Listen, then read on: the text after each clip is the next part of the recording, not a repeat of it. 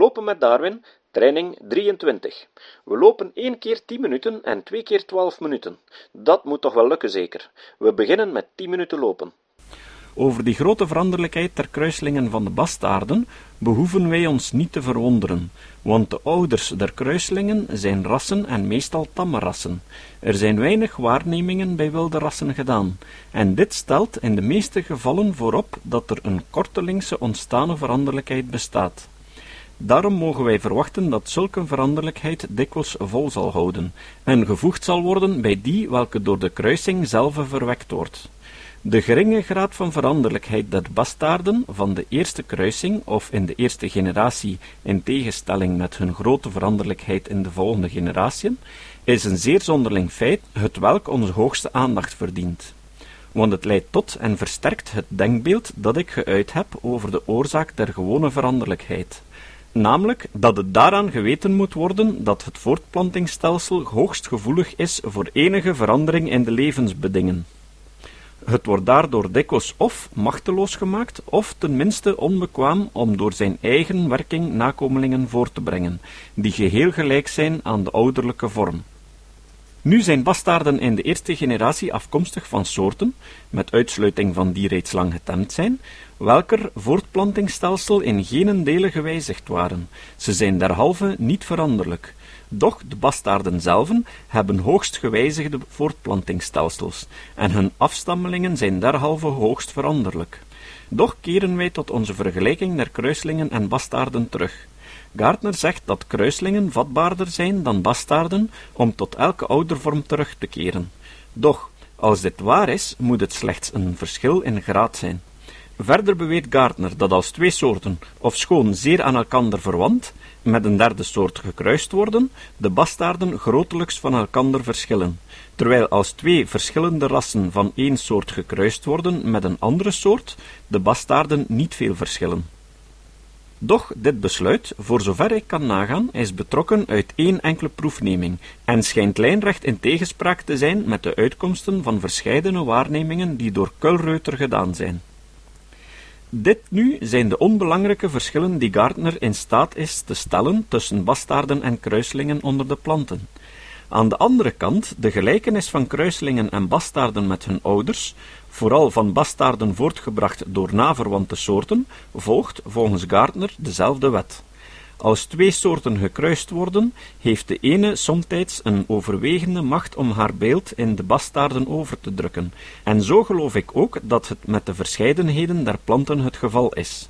Bij de dieren heeft een ras zekerlijk vaak die overwegende invloed op een ander ras.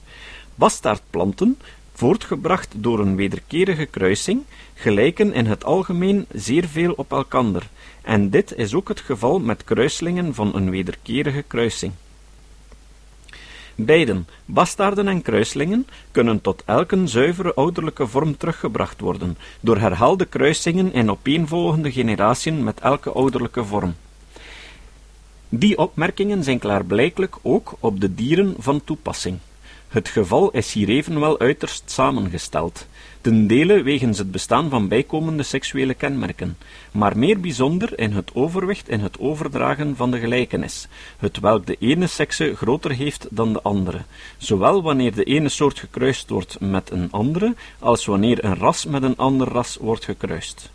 Zo geloof ik dat die schrijvers recht hebben, welke beweren dat in kruisingen de ezel een overwegende invloed heeft op het paard, zodat het muildier en de muilezel beiden meer op de ezel dan op het paard gelijken, maar dat dit overwicht groter is bij de ezel dan bij de ezelin, zodat het muildier, welke een afstammeling is van de ezel en van de merrie, meer op een ezel gelijkt dan de muilezel die een afstammeling is van de ezelin en van de hengst. Door enige schrijvers is veel gewicht gehecht aan het veronderstelde feit dat kruiselingen alleen geboren worden nauwkeurig aan een der ouderlijke gelijk. Het kan evenwel bewezen worden dat dit ook somtijds bij bastaarden gebeurt, hoewel, naar ik geloof, minder dikwijls bij bastaarden dan bij kruiselingen.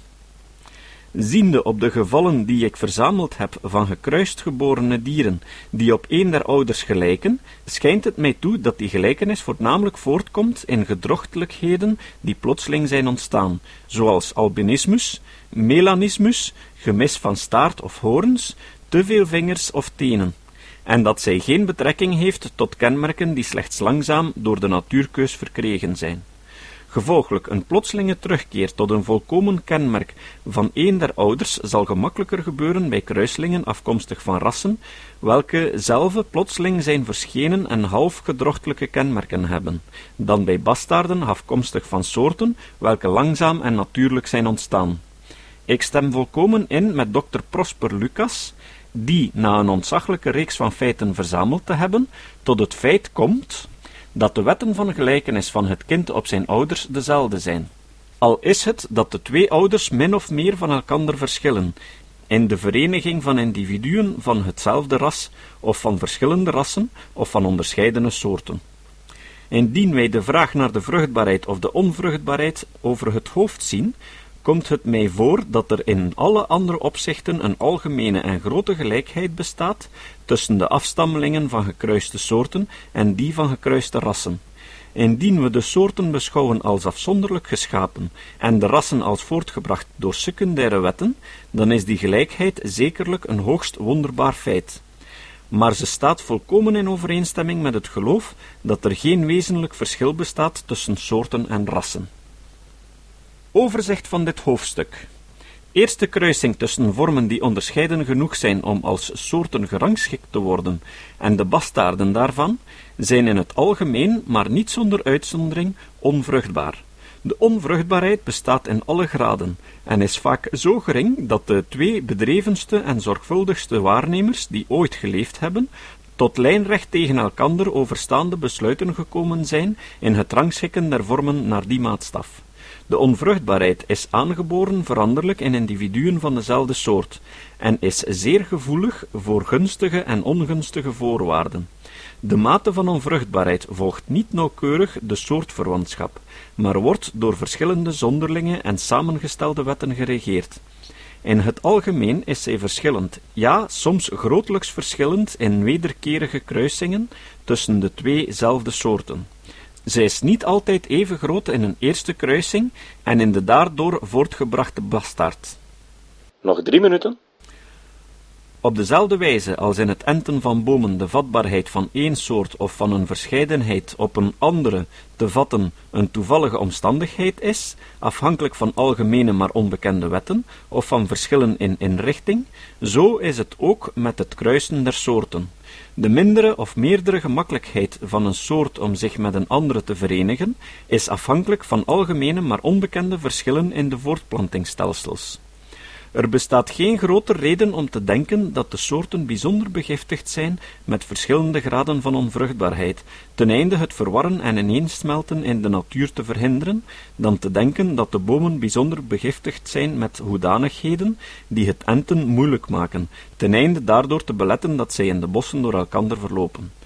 De onvruchtbaarheid van eerste kruisingen tussen zuivere soorten die volkomen gevormde voortplantingsstelsels hebben, schijnt van verschillende omstandigheden af te hangen, in vele gevallen voornamelijk van de vroege dood van het embryo, de onvruchtbaarheid der bastaarden die onvolkomene voortplantingsstelsels hebben en die in dat stelsel niet alleen, maar ook in hun gehele bewerktuiging gewijzigd zijn, doordat zij uit twee verschillende soorten als het ware zijn samengesmolten, schijnt nauw verbonden te zijn met die onvruchtbaarheid, welke zo veelvuldig zuivere soorten aantast als haar natuurlijke levensvoorwaarden gewijzigd worden. Dit gevoelen schijnt in overeenstemming te staan met een ander, namelijk dat de kruising van vormen, die slechts weinig verschillen, gunstig is voor de kracht en de vruchtbaarheid van hun afstammelingen, en dat geringe veranderingen in de levensbedingen duidelijk voordelig zijn voor de kracht en de vruchtbaarheid van alle bewerktuigde wezens. Het behoeft ons niet te verwonderen dat de graad van moeilijkheid om twee soorten te doen verenigen en de graad van onvruchtbaarheid van haar bastaardnakomelingen in het algemeen onderling overeenkomen, ofschoon ze door verschillende oorzaken verwekt worden, want beiden hangen af van de grootte van het ene of het andere verschil tussen soorten die gekruist worden. Ook is het niet verwonderlijk dat de gemakkelijkheid om een eerste kruising te doen geschieden, de vruchtbaarheid der bastaarden daardoor ontstaan, en de vatbaarheid om op elkander geënt te worden, ofschoon deze laatste klaarblijkelijk van zeer verschillende omstandigheden afhangt, allen gezamenlijk in zekere mate gelijklopen met de soortverwantschap der vormen die aan de proef onderworpen worden, want soortverwantschap betekent alle gelijkenissen tussen alle soorten. 1 minuut wandelen. Eerste kruisingen tussen vormen die rassen geheten worden, of die genoeg op elkander gelijken om als rassen beschouwd te worden, en hun kruislingen zijn zeer algemeen, maar toch niet volkomen en bij uitsluiting vruchtbaar. Ook is die bijna algemene en bijna volkomen vruchtbaarheid niet wonderlijk, als wij ons herinneren hoe genegen wij zijn om in een kring rond te redeneren ten opzichte van rassen en soorten. En als wij ons herinneren dat de meeste rassen in de tamme staat voortgebracht zijn door de keus van uitwendige verschillen alleen, en niet van verschillen in het voortplantingsstelsel. In alle opzichten, behalve in de vruchtbaarheid, is er de grootste gelijkheid tussen bastaarden en kruislingen. En eindelijk, de feiten in dit hoofdstuk opgesomd, schijnen mij toe het denkbeeld niet te bestrijden, maar wel te ondersteunen dat er in de grond der zaak geen onderscheid is tussen soorten en rassen. En 12 minuten lopen. Negende hoofdstuk over de onvolkomenheid der geologische geschiedenis. Over de afwezigheid in de tegenwoordige tijd van tussenrassen. Over de aard van uitgestorven tussenrassen en over hun getal. Over de lange tijd die aangetoond wordt door de grootte der afzetsels en der ontblotingen. Over de armoede van onze paleontologische verzamelingen over het afbreken en weer aanvangen van geologische vormingen, over de afwezigheid van tussenrassen in de ene of de andere vorming, over het plotselinge verschijnen van soorten en groepen van soorten, over haar plotselinge verschijning in de oudste lagen die bekend zijn als fossielen te voeren. In het zesde hoofdstuk gaf ik een opsomming van de voornaamste tegenwerpingen die men ten opzichte van de leer welke in dit boek wordt verkondigd, met recht zou kunnen maken. De meeste daarvan zijn nu besproken. Er is nog één grote zwarigheid, namelijk het onderscheid der soortvormen en het niet bestaan van schakels welke die vormen als het ware met elkander verbinden. Ik gaf de reden op waarom zulke schakels gewoonlijk heden ten dagen niet voorkomen, onder omstandigheden die evenwel schijnbaar hoogst gunstig zijn voor hun bestaan, namelijk binnen een aaneenhangende en grote omtrek met trapsgewijs in elkander overgaande levensvoorwaarden. Ik trachtte te bewijzen dat het leven van elke soort meer afhangt van de aanwezigheid van andere, reeds bepaalde, bewerktuigde vormen, dan van het klimaat en derhalve dat de wezenlijke regerende levensvoorwaarden niet trapsgewijs en ongevoelig in elkander overgaan, gelijk de warmte of de vochtigheid. Ik trachtte ook te bewijzen dat tussenrassen, wijl ze kleiner in getal zijn dan de vormen die ze verbinden, over het algemeen geslagen zullen worden in een levensstrijd en uitgeroeid zullen worden gedurende de voortgang van verdere wijzigingen en verbeteringen. De hoofdoorzaak evenwel, waarom er tegenwoordig niet overal in de natuur tussenvormen aangetroffen worden, ligt in de werking der natuurkeus, die telkens nieuwe rassen de plaatsen van hun uitgestorven moederrassen doet innemen. Maar juist omdat die uitroeiing van vormen op zulke ontzaglijk grote schaal heeft plaatsgehad, moet het getal der tussenvormen, die in vorige tijden op aarde bestaan zullen hebben, inderdaad onuitsprekelijk groot zijn. Waarom is elke geologische vorming, waarom is elke laag ener vorming dan niet opgevuld met zulke tussenvormen? Waarlijk, de geologie vertoont ons geenszins zulke onafgebroken, aaneengeschakelde keten van bewerktuigde wezens, en dit is misschien de belangrijkste en ernstigste tegenwerping die er ten opzichte van mijn leer gemaakt kan worden. De verklaring hiervan ligt, naar ik geloof, in de overgrote onvolkomenheid der geologische geschiedenis. In de eerste plaats moeten we wel voor ogen houden welke soort een tussenvorm er voorheen, volgens mijn leer, bestaan moet hebben. Ik heb bij ondervinding hoe moeilijk het is, als ik twee soorten van vormen beschouw, mezelf te beletten van me één vorm te verbeelden die onmiddellijk ertussenin staat. Het is zo natuurlijk als men geel en blauw ziet aan groen te denken. Doch dit is een volkomen vals oogpunt. We moeten zoeken naar zulke vormen die staan tussen één soort en een algemeen maar onbekende stamvader. En de stamvader zal gemeenlijk in enige opzichten onderscheiden geweest zijn van al zijn gewijzigde afstammelingen.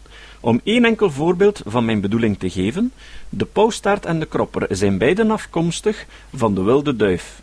Indien we alle tussenrassen die ooit bestaan hebben bezaten, zouden we twee onafgebroken reeksen hebben tussen beide en de wilde duif, maar we zouden geen rassen hebben die onmiddellijk tussen de pauwenstaart en de kropper stonden. We zouden geen ras hebben het welke een staart die een weinig uitgespreid was verenigde met een krop die een weinig uitgezet was. Een ras dus het welk de kenmerken van beide rassen bezat.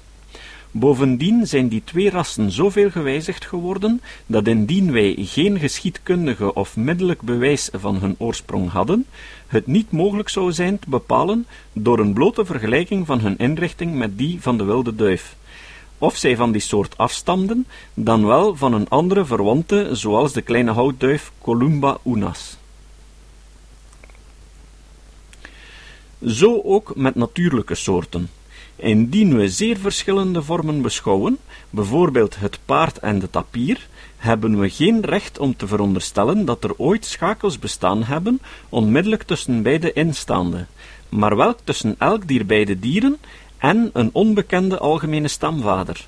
Die algemene stamvader zal in zijn gehele bewerktuiging in het algemeen op het paard en de tapier geleken hebben, maar in sommige punten aanmerkelijk van beiden onderscheiden geweest zijn, zelfs misschien meer dan ze van elkander verschillen.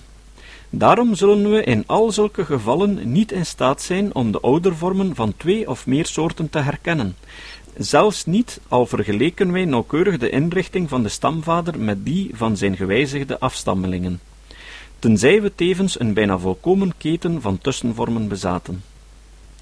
Volgens mijn leer is het evenwel volkomen mogelijk dat de ene levende vorm afkomstig kan zijn van de andere, zoals bijvoorbeeld een paard van een tapier, en in dit geval moeten er onmiddellijke schakels, dat is tussenvormen, bestaan hebben, want zulk een geval zou meebrengen dat een tussenvorm gedurende een zeer lang tijdperk onveranderd gebleven was, terwijl een afstammeling een zeer grote som van veranderingen moest vertonen. De mededinging nu tussen bewerktuiging en bewerktuiging tussen ouder en kind zal dit tot een hoogst zeldzaam geval maken. Immers, in alle gevallen streven de nieuwe en verbeterde vormen des levens om die ouden en onverbeterden te verdringen. Volgens de leer der natuurkeus zijn alle levende soorten met de ondersoorten van elk geslacht gebonden geweest door verschillen, niet groter dan die wij in de tegenwoordige tijd zien tussen rassen van dezelfde soort.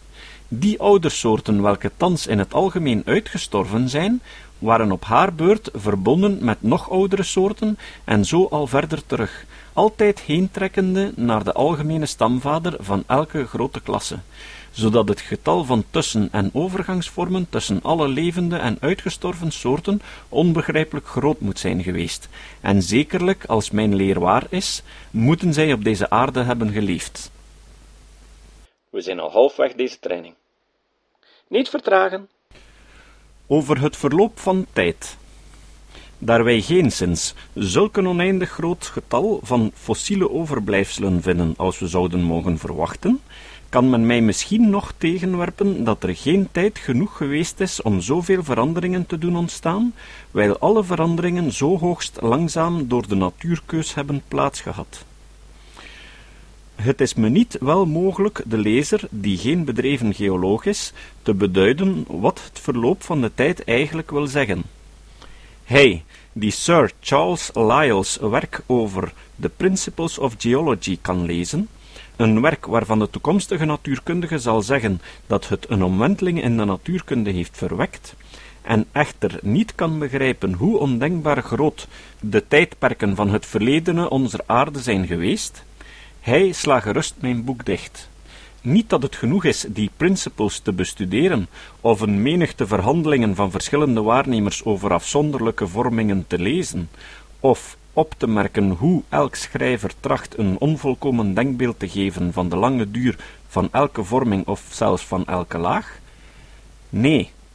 Jaren aaneen moet iemand lagen en vormingen en groepen en stelsels onderzoeken, maar bovenal, hij moet de zee aan het werk zien, hoe hij oude rotsen wegknaagt, en verse afzetsels nederlegt, eer hij kan hopen het lange tijdverloop, de lange duur des tijds te begrijpen, waarvan wij de gedenkstukken rondom ons heen zien verspreid. Het is wel goed eens langs het strand te wandelen, vooral waar de kust uit matig harde rotsen bestaat, en te zien wat er gebeurt. Gewoonlijk raakt de vloed slechts voor een korte tijd tweemaal op een dag aan de klippen. En de golven der zee vreten die klippen slechts dan uit als ze beladen zijn met zand of grind, want het is wel bewezen dat zuiver water weinig of niets kan doen in het afknagen van een gesteente.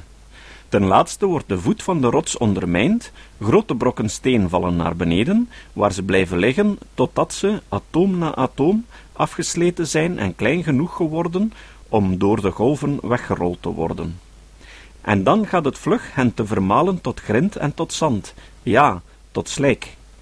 Maar hoe dikwijls ook zien we aan de voet der hellingen en stelten grote brokken liggen, dik begroeid met zeeplanten en bewoond door dieren die erop vastzitten, en die ons bewijzen hoe weinig er aan die brokken wordt geknaagd en hoe zelden zij rondgerold worden. Bovendien, als wij enige mijlen ver langs het strand wandelen, dan zien we duidelijk hoe slechts hier en daar op enkele plaatsen over een korte uitgestrektheid of rondom een uitstekend gedeelte de klippen afslijten. Het uitzicht der oppervlakte en van de plantengroei tonen hoe er telkens reeds jaren verlopen zijn, sedert de wateren op dezelfde plaatsen de gesteenten bespoelden. Hij die de werking der zee op een rotsige kust bestudeert, zal diep getroffen worden door de langzaamheid waarmede een gesteente wordt weggeknaagd. De waarnemingen van Hugh Miller en van Smith of Jordan Hill zijn in dit opzicht treffend.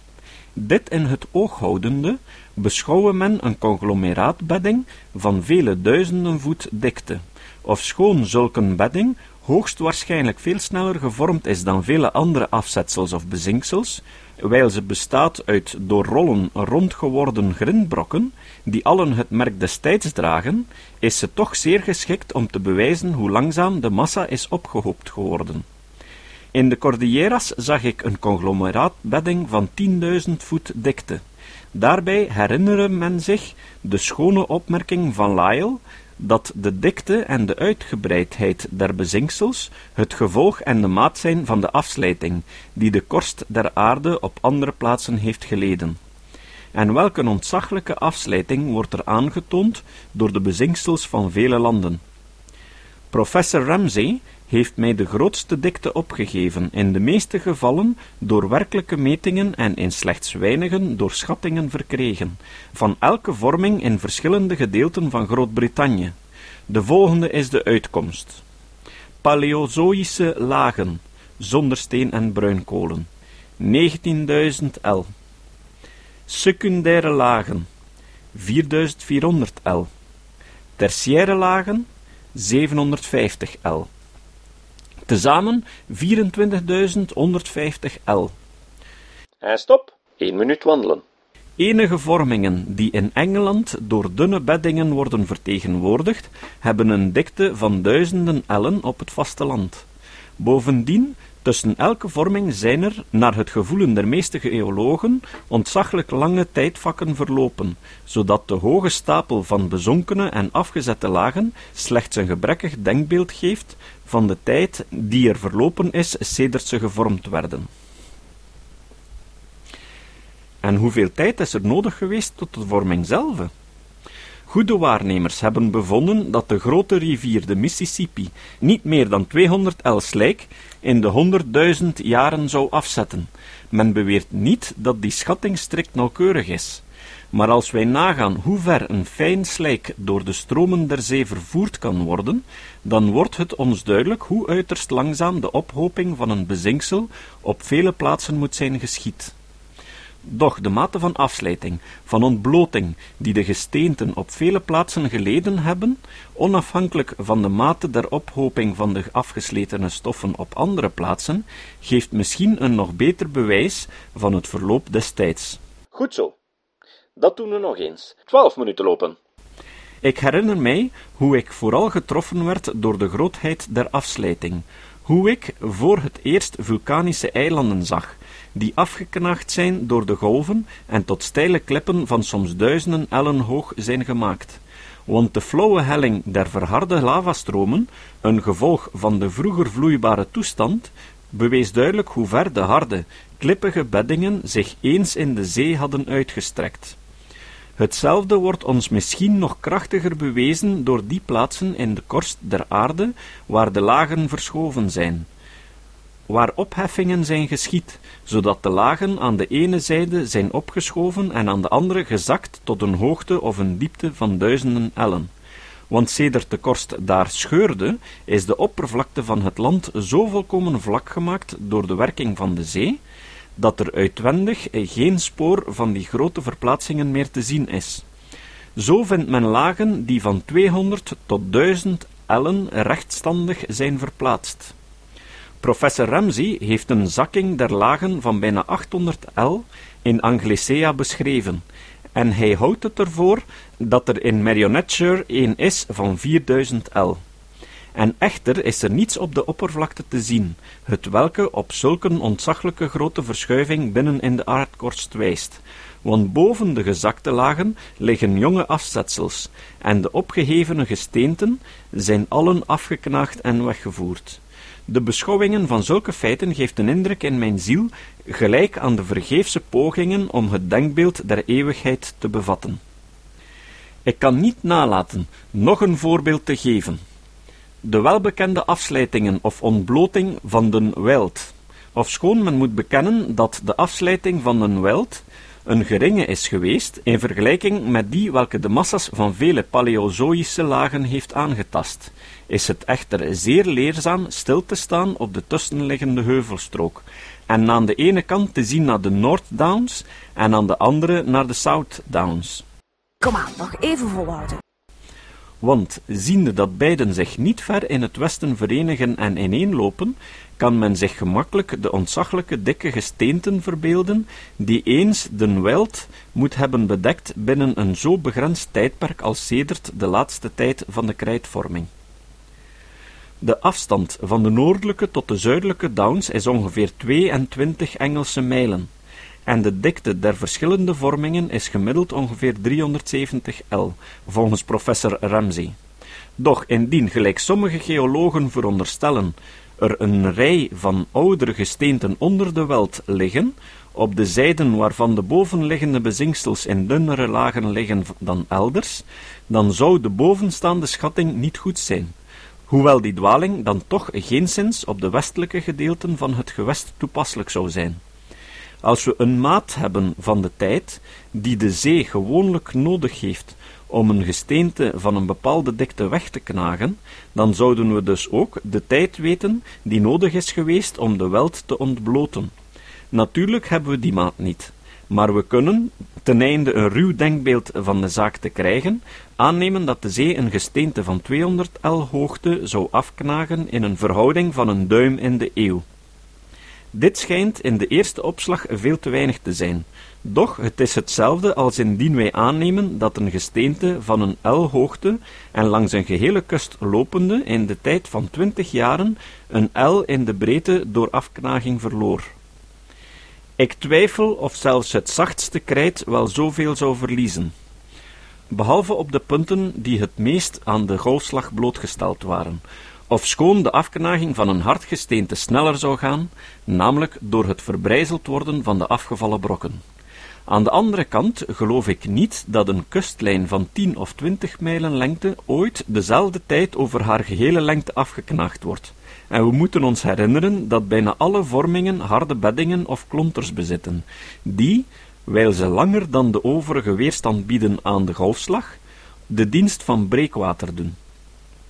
We mogen tenminste veilig geloven dat geen rotsige kust van 200 L hoogte in het algemeen meer dan een duim in de eeuw zal verliezen.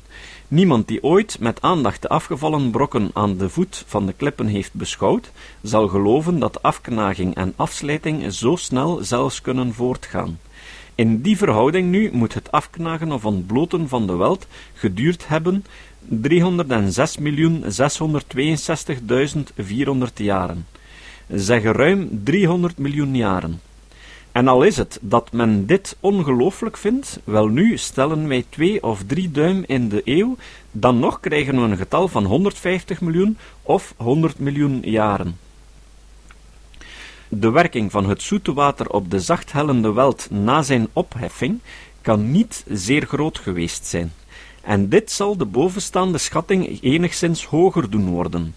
Aan de andere kant, door de verandering in het waterpas, die we weten dat dit gewest heeft ondergaan, kan zijn oppervlakte gedurende miljoenen jaren als droog land gelegen hebben, en dus ontsnapt zijn aan de werking van de zee. En verder, het is mogelijk dat het ook gedurende even lange tijden diep onder water heeft gelegen, en derhalve ook toen voor de werking der golven beveiligd is geweest zodat het niet onwaarschijnlijk is dat er een veel langer tijdperk dan 300 miljoen jaren sedert het laatste gedeelte van de secundaire periode verlopen is.